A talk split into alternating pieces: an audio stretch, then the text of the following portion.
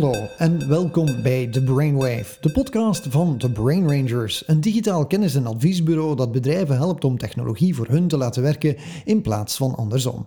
Mijn naam is Jo Hendricks en vandaag ben ik jullie gastheer of spreker voor deze podcast. Een podcast waarin we gaan kijken wat de mogelijkheden zijn om technologie in te zetten voor jouw bedrijf in 2020. 2020, het jaar van de toekomst. Laten we dus even beginnen met te uh, met jullie allemaal een heel erg gelukkig en voorspoedig uh, 2020 te, te, wensen, zowel op zakelijk als op privévlak. En deze podcast, daar gaan we het hebben over de dingen die je in 2020 eindelijk eens met technologie moet gaan doen. Het jaar van de toekomst klinkt zo futuristisch. En toch zijn er nog een heel aantal dingen die we zelfs digitaal op de ouderwetse manier doen. Dus heb ik vijf tips bij elkaar gerammeld en daar gaan we heel even kort doorgaan. En misschien steek je er dit jaar wel wat van op om die technologie echt voor jouw onderneming te laten werken in plaats van andersom.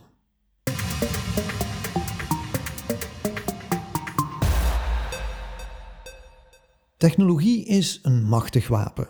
En dat weten we ook. En toch is het altijd heel erg moeilijk om die technologie in te zetten in te zetten in de bedrijfswereld, in te zetten in je eigen onderneming.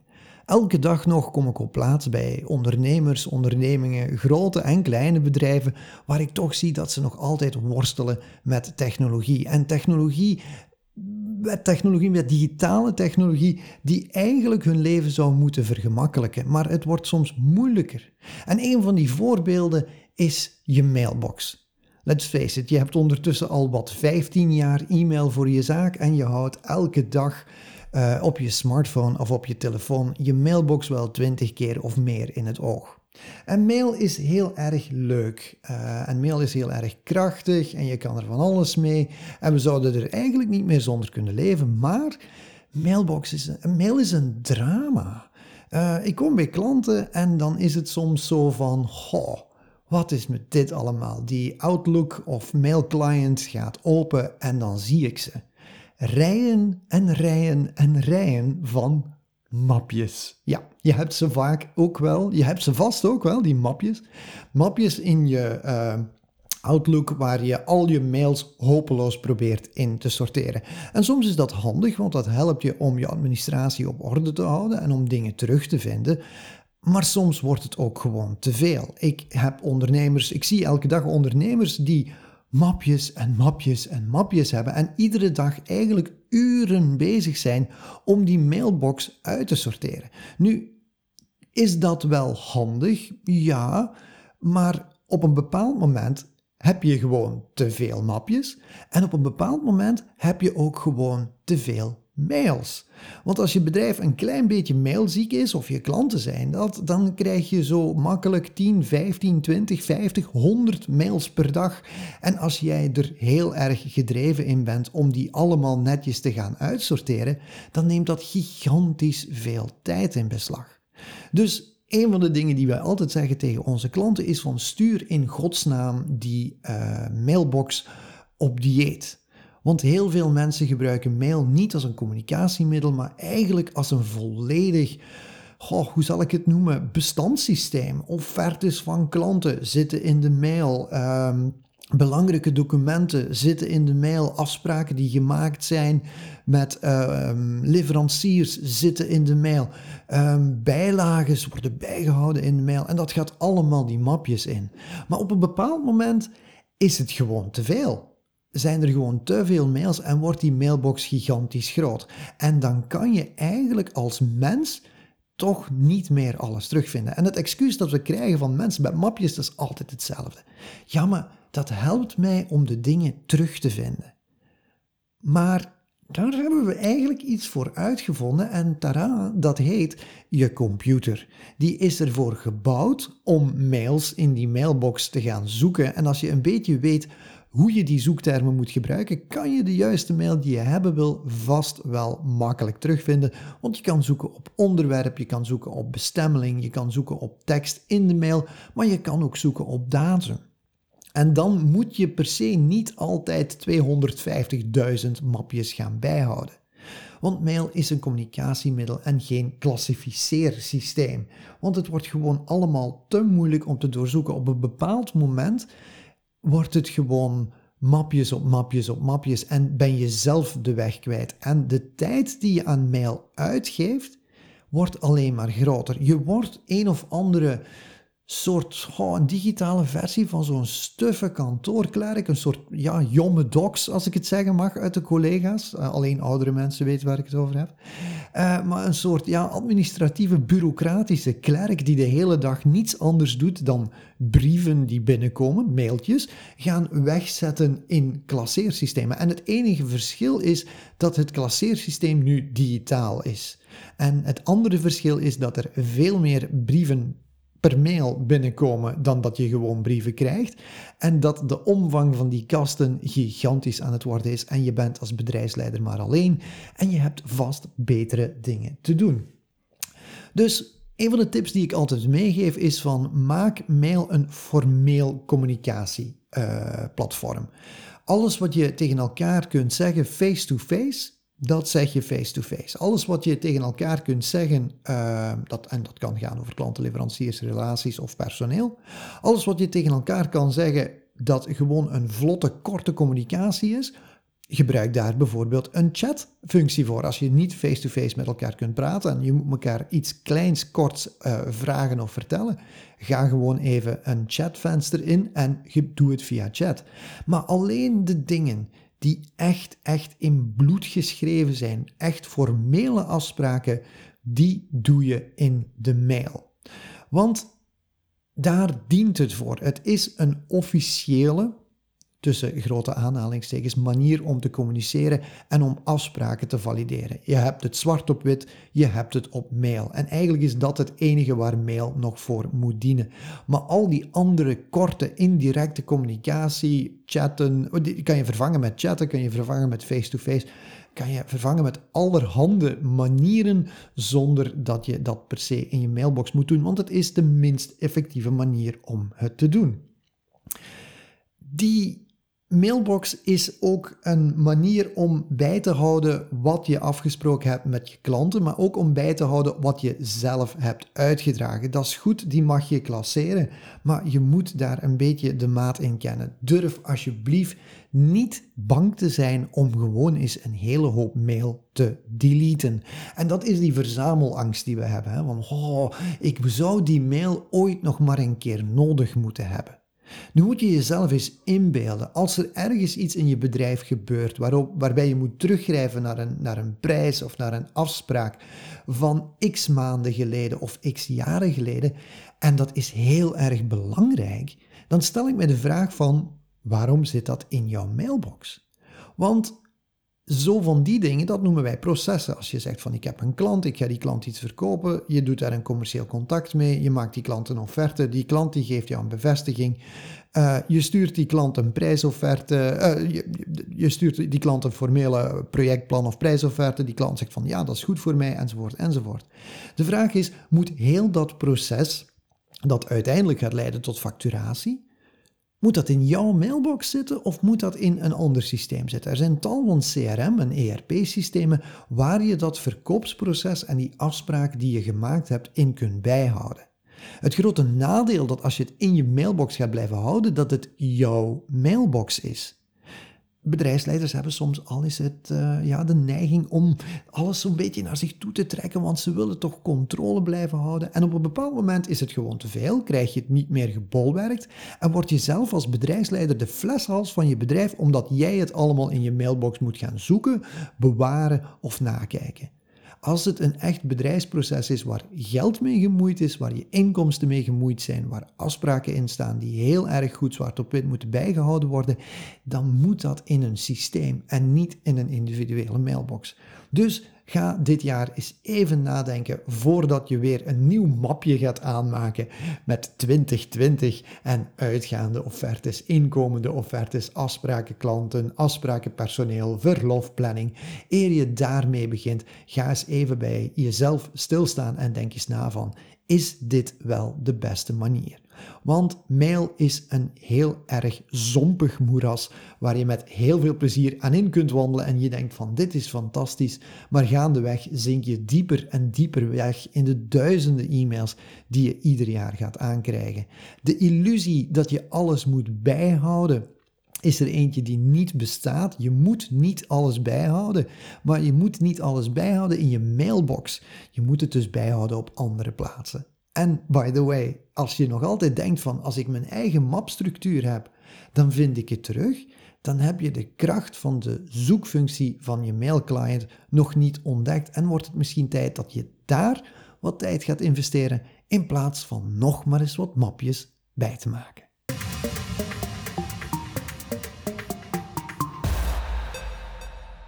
Het tweede idee dat je in het jaar van de toekomst in 2020 eindelijk eens moet serieus gaan nemen is cybersecurity.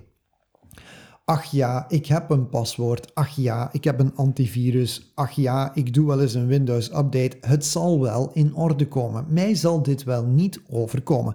Dat vertellen heel veel bedrijfsleiders tegen ons en dat is eigenlijk helemaal niet waar. Want 75% van alle Vlaamse KMO's krijgen direct of indirect te maken met cybercriminaliteit en vinden, ondervinden daar schade aan aan hun reputatie, aan hun omzet of aan de integriteit van hun gegevens. En dat is aardig veel, dat is 3 op 4. De, de kans dat je een auto-ongeluk krijgt als je morgen naar de bakker rijdt is vrij klein, maar toch doe je je gordel aan. De kans dat het morgen gaat branden in je bedrijf is niet zo groot, maar toch heb je een brandverzekering en een brandblusser. De kans dat uh, God, er morgen ingebroken wordt in je huis is ook niet zo gigantisch, maar toch doe je de deur iedere dag op slot. De kans dat je de lotto wint is minuscuul, maar toch speel je af en toe. En de kans dat je een cybercrimineel over de vloer krijgt of in je systemen krijgt is 3 op 4. En toch zijn er heel veel bedrijven die daar totaal niet mee bezig zijn.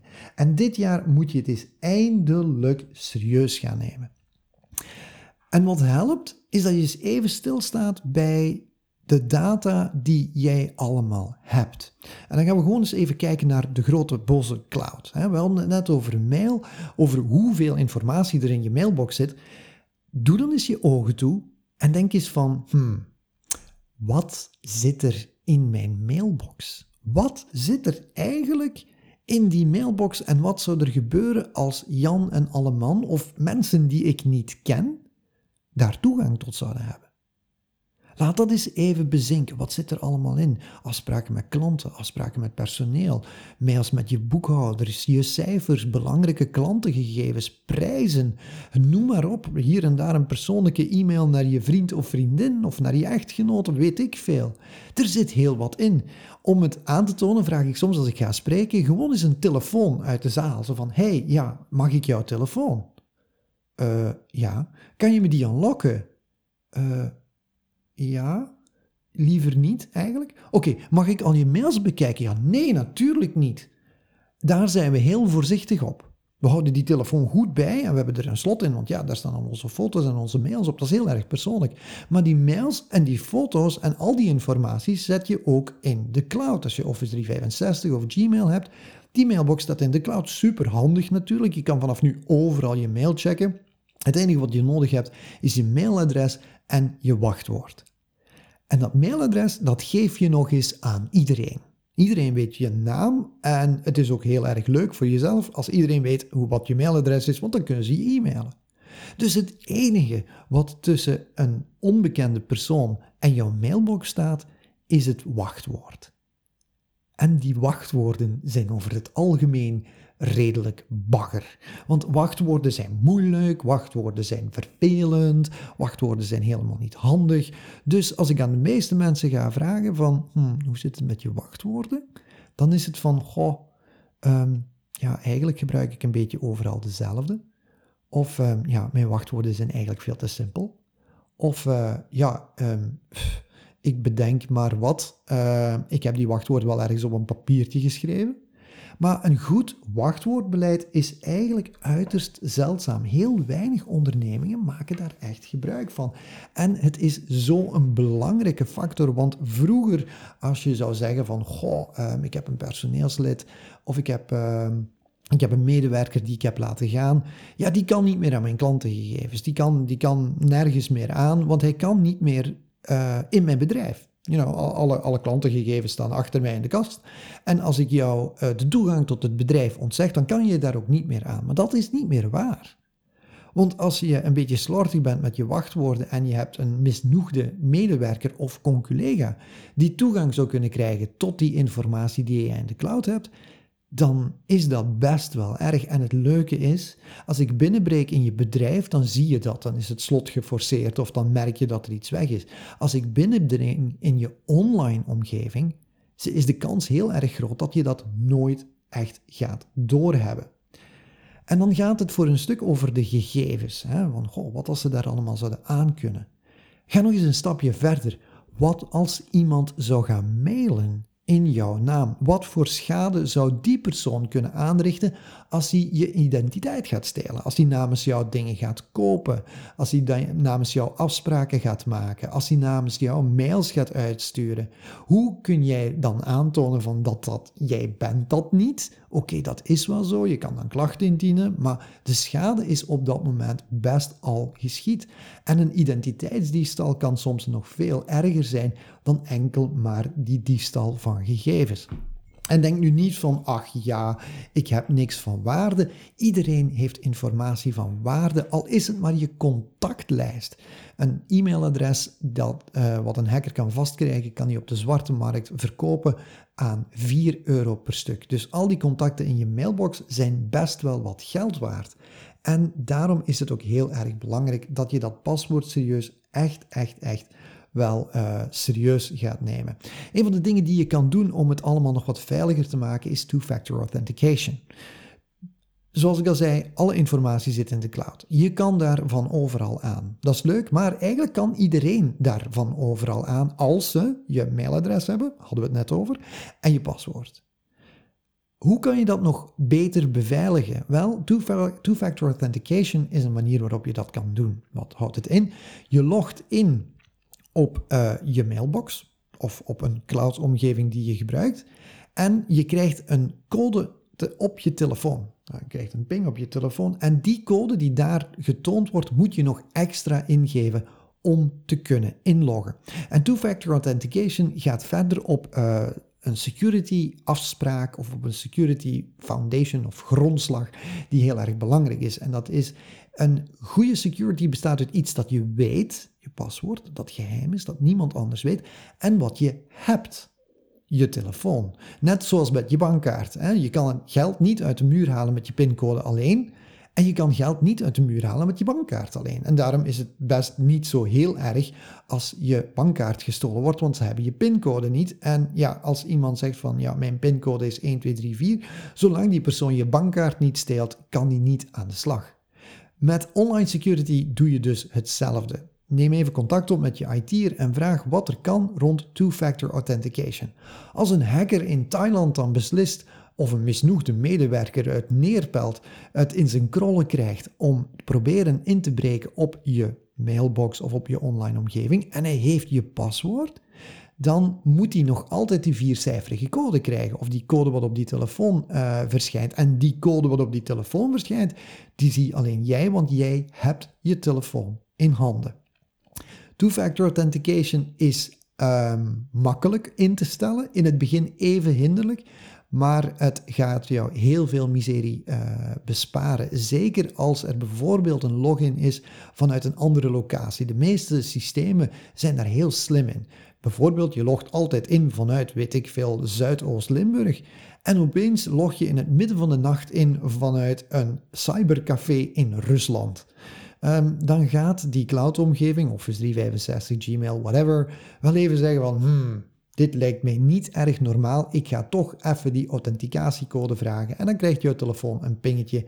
En ja, dan moet die code ingegeven worden. En die persoon die aan de andere kant in Moskou in dat cybercafé zit, ja, die heeft die code niet. Dus die kan niet in je mailbox.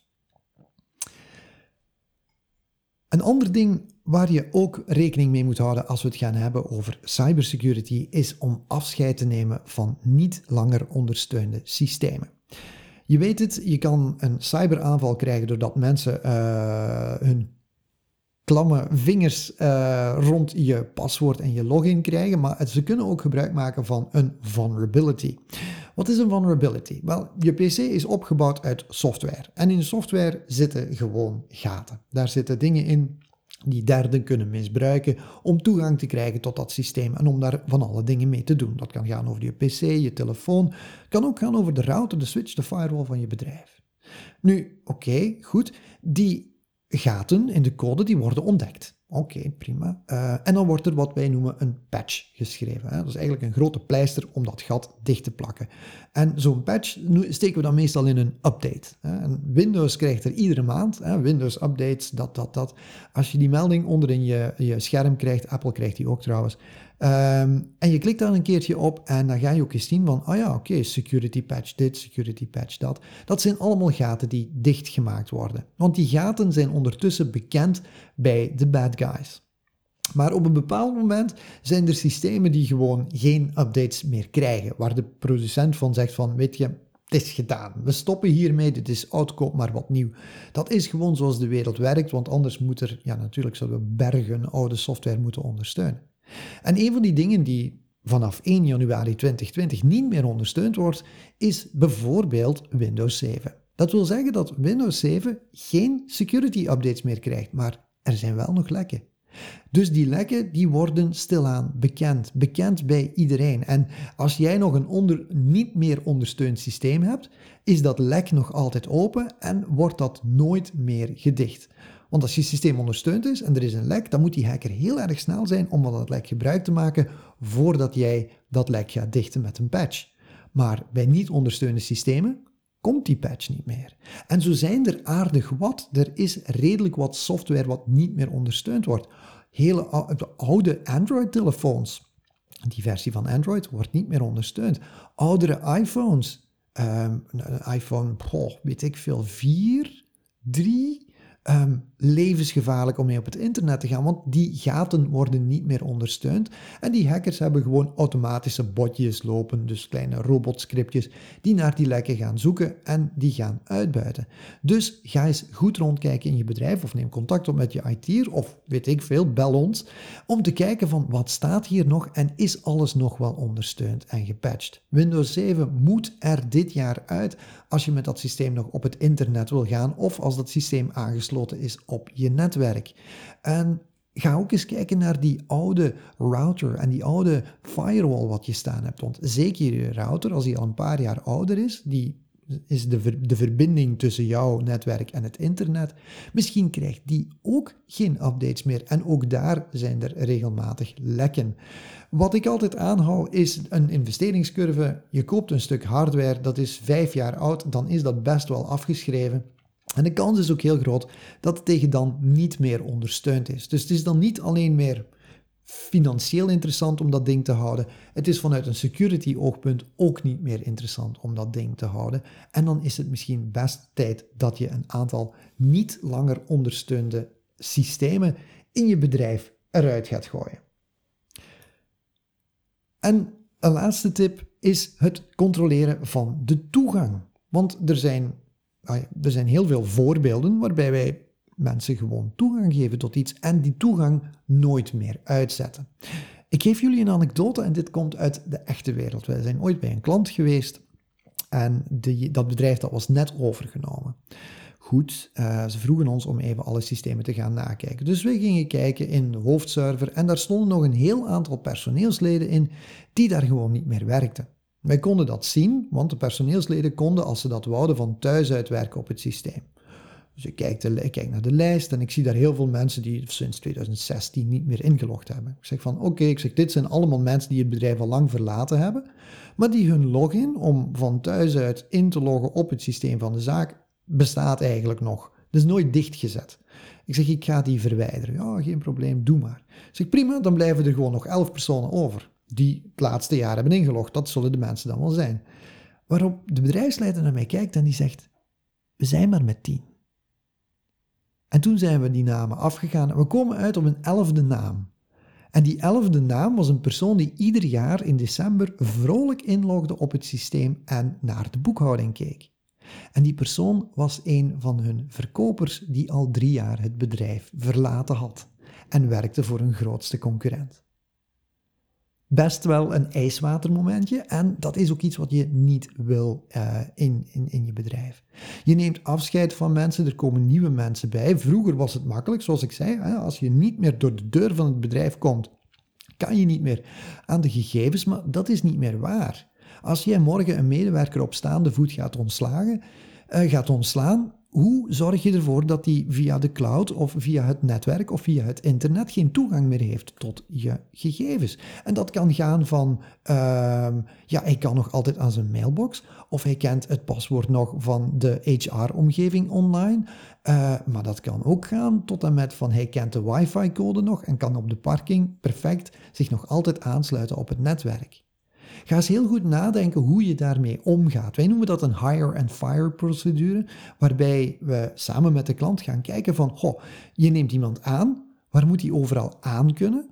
Hoe hou je dat bij? En hoe zorg je ervoor dat je al die toegangen dan ook terug dichtzet als die persoon het bedrijf verlaat. Maar dat geldt ook voor de mensen in je bedrijf. Je hebt nog altijd mensen bij jou werken die bijvoorbeeld nu op een andere positie zitten, maar nog altijd toegang hebben op de oude systemen of aan de oude gegevens. Stel jezelf ook de vraag, moet dat nog? Neem toegang gewoon af waar het niet nodig is. Begin met, eigenlijk mocht jij nergens aan. En na vanand het werk dat je nodig hebt, mag jij tot bepaalde mappen toegang krijgen. En dan zit je met een gezond security beleid waar je s'nachts niet van wakker moet liggen van, heb ik die digitale achterdeur wel goed gesloten?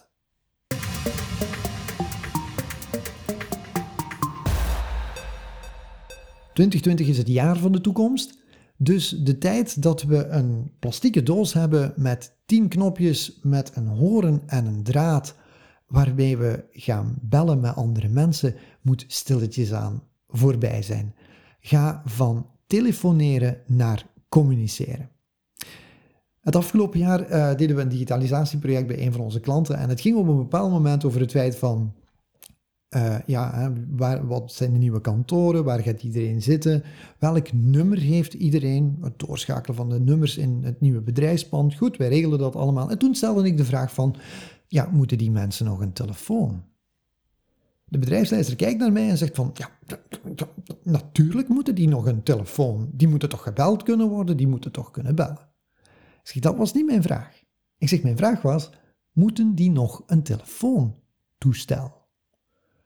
En we kregen een heel erg leuke discussie, want als we gaan kijken naar communicatietechnologie op dit moment, is het feit van dat er een koperdraadje naar een plastieke toestel met tien cijfertjes en een horen gaat en dat je daarmee kan bellen, dat is eigenlijk niet meer nodig. Met de komst van voice over IP, bellen over het internet of eigenlijk digitaal bellen, is het niet altijd meer nodig dat je nog echt een vast toestel hebt voor iedere lijn.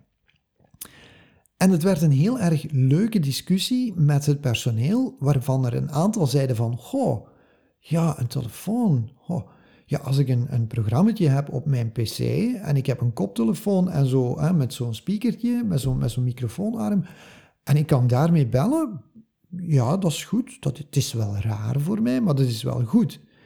Um, en er waren anderen die zeiden van nee, nee, nee, nee, ik heb altijd een telefoon gehad, ik wil liefst een telefoon houden. En dit werd leuk, want stemgesprekken waren niet meer gebonden aan een bepaalde lijn. Die waren niet meer verbonden aan een bepaald toestel en die waren eigenlijk niet meer verbonden aan een bepaalde plaats. Want van het moment dat je het klassieke idee van telefonie gaat loslaten, wordt het heel erg interessant.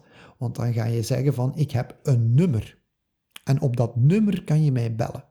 En het gesprek dat we gaan hebben op dat nummer, dat kan voor mij eigenlijk overal. Ik kan dat opnemen op mijn PC. Ik kan dat doorschakelen naar mijn gsm. Ehm, ik kan dat omzetten in, uh, ik kan dat integreren in een, een, een vergaderzaal. Ik heb daar een toestel staan in de, in de vergaderzaal. Ik kan eigenlijk dat gesprek opzetten waar dan ook. En dan gaan we kijken naar het hele verhaal van vast en mobiele telefonie. Groot geheim. um, Telefonieleveranciers, telecommunicatieleveranciers hebben liefst dat jij zoveel mogelijk nummers en toestellen hebt. Zoveel mogelijk nummers, lijnen en toestellen. Want dat brengt hun geld op. Maar de vraag is, moet dat? moet jij verschillende lijnen en toestellen hebben en moeten die allemaal zo duur en ingewikkeld zijn? Ga je niet eens kijken van, goh, ik heb een nummer en dat nummer volgt mij. Dat volgt mij als ik uh, aan mijn bureau zit, dan gaat uh, er een toestel af. Of als ik onder de baan ben, dan gaat dat nummer af op mijn gsm. Of als ik thuis ben en ik ben met mijn laptop bezig vanuit uh, de bank, uh, of de zetel, zoals we in Vlaanderen zeggen, uh, dan ehm, wil ik met dat nummer naar buiten kunnen bellen. Dus dat nummer is voor mij eigenlijk gewoon ja, een kanaal. Maar dat is niet meer verbonden aan een koperdraad, dat is niet meer verbonden aan een telefoontoestel, dat is niet meer verbonden aan een, uh, ja, een, een vaste lijn. Dat is soms wel een denkpiste, maar er zijn heel veel mogelijkheden. En waarom ik dit zeg, is dat het voor twee dingen belangrijk is. Eén, het is heel erg belangrijk om je kosten te besparen. En het is nog belangrijker om je communicatie te gaan optimaliseren. Want ik heb heel veel bedrijven, we kennen heel veel bedrijven die groeien, waarbij persoonlijke nummers, persoonlijke gsm-nummers opeens essentieel worden voor een bedrijf. Je moet de, en dat kan zijn van, ja, je moet dat nummer, je moet die persoon bellen om een afspraak te maken of om een offerte te krijgen. En als die persoon die dag ziek of met vakantie is, ja, dan hebben we een probleem. En het is ook andersom zo van dat uh, op een bepaald moment men de gsm-nummer weet van de bedrijfsleider. En dat eigenlijk heel het proces van de receptie en god weet wat gepasseerd wordt en dat mensen jou direct gaan bellen. Omdat ze jouw persoonlijk nummer krijgen. En dat is heel erg hinderlijk, omdat ja, heb je als bedrijfsleider geen tijd voor even op te nemen, want je zit in een belangrijke vergadering. En is er iets in, in, in je bedrijf aan de hand waardoor je klant rechtstreeks naar jou moet bellen en jij kan niet opnemen, dan kan die klant eigenlijk niet geholpen worden. Dus het is belangrijk dat je de communicatiekanalen waarmee je klanten bellen naar jouw bedrijf gaat uh, koppelen aan nummers en processen, doorschakelingen, uh, what have you, naar, en niet aan de gsm-nummers of de individuele toestellen van gebruikers. Dat is best wel een belangrijk aspect om te gaan bekijken. Um, ga ook eens kijken of bellen nog nodig is. Uh, mailen, wat was sowieso al niet zo goed. Maar het kan soms veel gemakkelijker als je gaat chatten met elkaar, als je gaat videobellen met elkaar. Er zijn tal van mogelijkheden die, het, uh, die je zelf de, de mogelijkheid geven. Er zijn tal van technieken waarmee je jezelf de mogelijkheid kunt geven om efficiënter te gaan communiceren. Waarbij een telefoontje niet de beste manier is, maar waarbij, maar waarbij je andere kanalen kunt gebruiken. Skype for Business, Skype, WhatsApp, uh, Microsoft Teams. Om te gaan chatten en beeldbellen met elkaar, maar ook om elkaar scherm te delen enzovoort. Wat tijdens een telefoontje anders niet mogelijk was.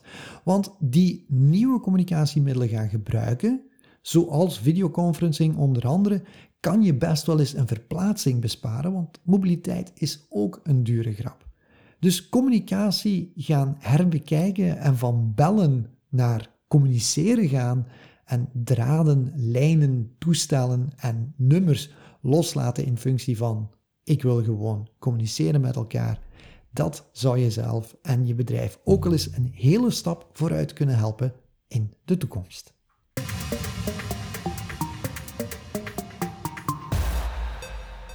Alles online, iedereen bereikbaar constant toegang tot al je data en tot al je communicatiekanalen. Iedereen die maar een chatbericht van elkaar verwijderd is. Het is heel erg leuk. Het zou de wereld dichter bij elkaar moeten brengen. Het zou je bedrijf dichter bij elkaar moeten brengen. Maar daar zit dan ook het risico. Let op voor hyperconnectiviteit. We zijn allemaal verbonden rechtstreeks met ons bedrijf. Onze klanten kunnen onze mailbox 24 uur per dag bereiken en jij kan die mailbox 24 uur per dag controleren. De vraag is van wat verwachten we van elkaar? Verwachten klanten dat jij nog antwoordt om 8 uur s'avonds? Ver, verwacht jouw personeel dat jij die verlofaanvraag om half tien s'avonds nog gaat bekijken? Is een uh, geannuleerde vergadering die per mail om 6 uur s morgens aangemeld wordt wel iets waar mensen van verwachten dat iedereen dat gaat lezen? Hyperconnectiviteit is een goede zaak. We zijn constant verbonden met de informatie en de mensen die we nodig hebben. Maar het is ook een slechte zaak dat de stekker er nooit uitgaat. Neem daar deze, dit jaar eigenlijk is het voortouw in om daar iets aan te gaan doen voor jezelf als bedrijfsleider. Geef jezelf ook een moment dat je zegt van, goh, dit is wat, uh, ik leg mijn telefoon en mijn laptop en heel die dingen even aan de kant en ik geniet van het moment. Maar neem dat ook door met je personeel. Wat zijn hun verwachtingen? Wat verwacht jij van hun? En maak afspraken wat kan. Na acht uur of na zes uur verwacht ik niet dat jullie nog een mail gaan lezen. Um, ik ga s morgens om vijf uur geen mails van jullie lezen, enzovoort, enzovoort. En ook naar je klanten toe is het belangrijk om die verwachtingen heel erg goed te sturen. En je kan dat voor een stuk automatiseren, als ze chatten of bellen of mailen, kan je out-of-office assistenten inzetten die zeggen van, ah, ik ben op dit moment niet bereikbaar, of je hebt een voicemail die zegt van, ik ben op dit moment niet bereikbaar, maar ik neem jouw mail of chatbericht of god weet wat door vanaf 9 uur morgen vroeg.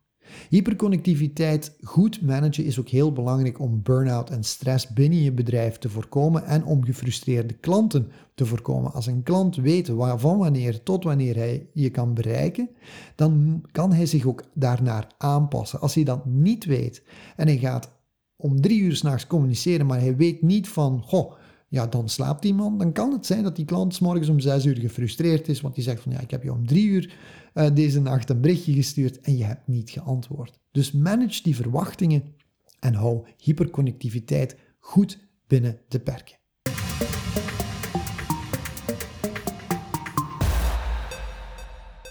En de laatste tip die ik jullie wil meegeven is: stap met technologie uit je comfortzone.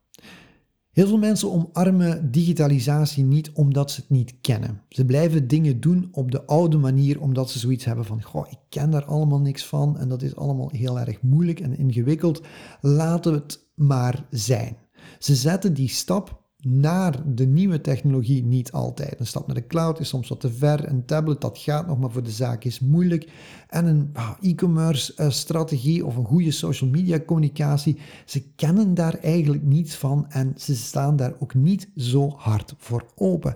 En toch is het heel erg belangrijk dat je daar iets mee doet in je bedrijf. Want technologie kan je bedrijf en de manier waarop je dingen doet echt wel gaan helpen. En vaak is het niet een kwestie van de complexiteit van de technologie, maar de, de con, conservativiteit, mooi, de conservativiteit van het bedrijf, de, de gewoonte die we hebben om dingen op een bepaalde manier te doen en de angst om dat los te laten.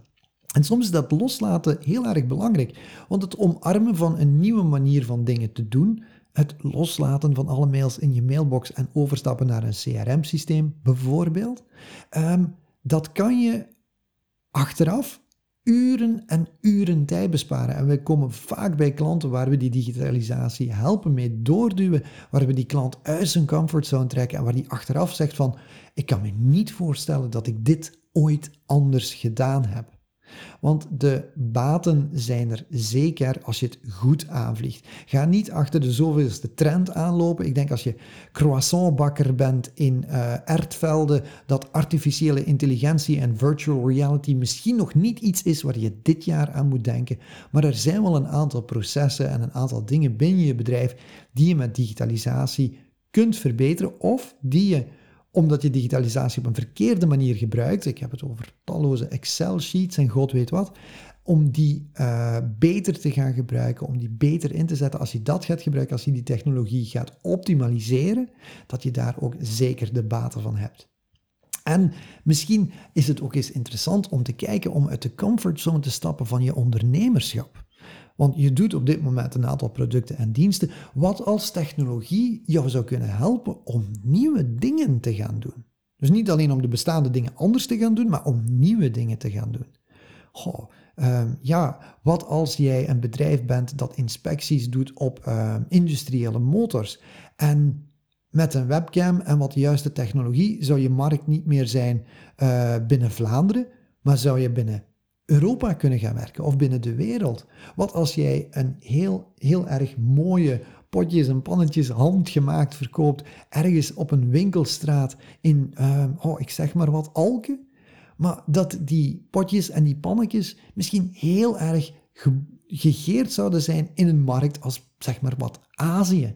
Wat als jouw uh, onderneming er door technologie ook anders zou kunnen gaan uitzien? Dat zijn moeilijke denkoefeningen en dat zijn dingen om eens over na te denken als je niet kan slapen of als je aan het wandelen bent of als je denkt van waar wil ik met mijn bedrijf naartoe? Technologie kan een sleutel zijn naar anders ondernemen, naar meer ondernemen, naar beter ondernemen en ook naar een ander ondernemerschap. Laat het in ieder geval altijd iets zijn dat voor jou werkt en niet andersom.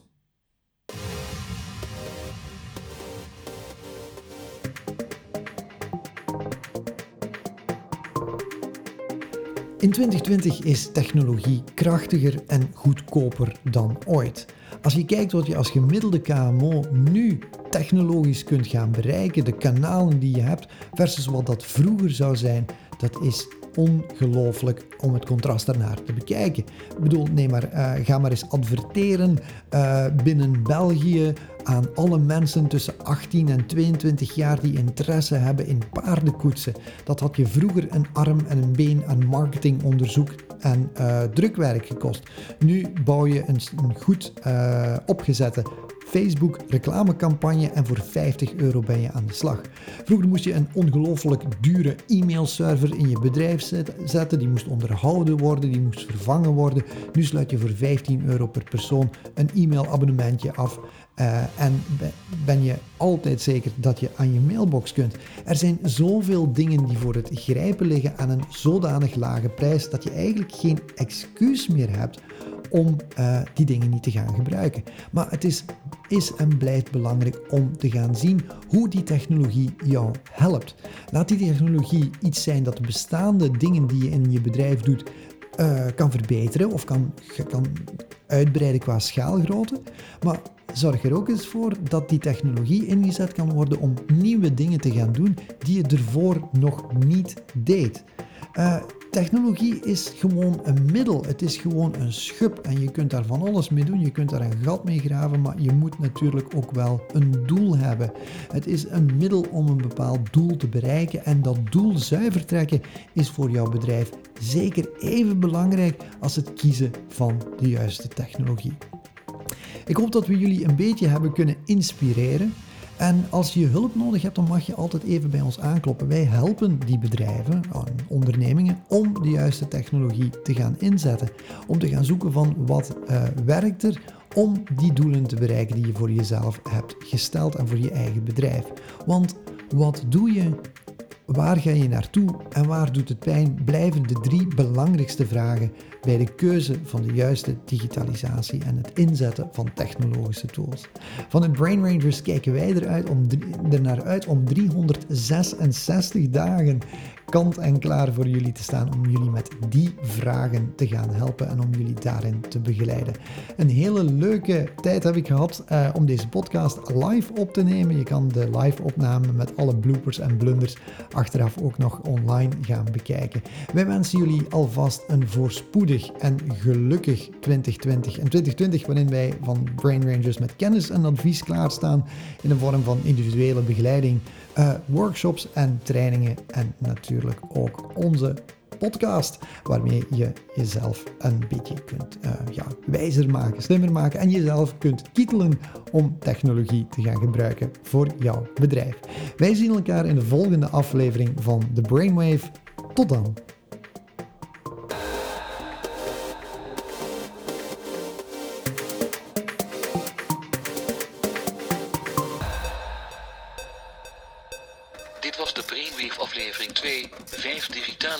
Voor 2020. Heb je vragen over het efficiënt digitaliseren van jouw onderneming? Geef de Rainchefs een seintje op info.brainwavechefs.be. Als jij koffie met een koekje klaarzet, komen ze met veel plezier luisteren wat ze voor je kunnen doen. Oh ja, en ook van mij nog even de beste wensen voor het nieuwe jaar. Tot de volgende keer.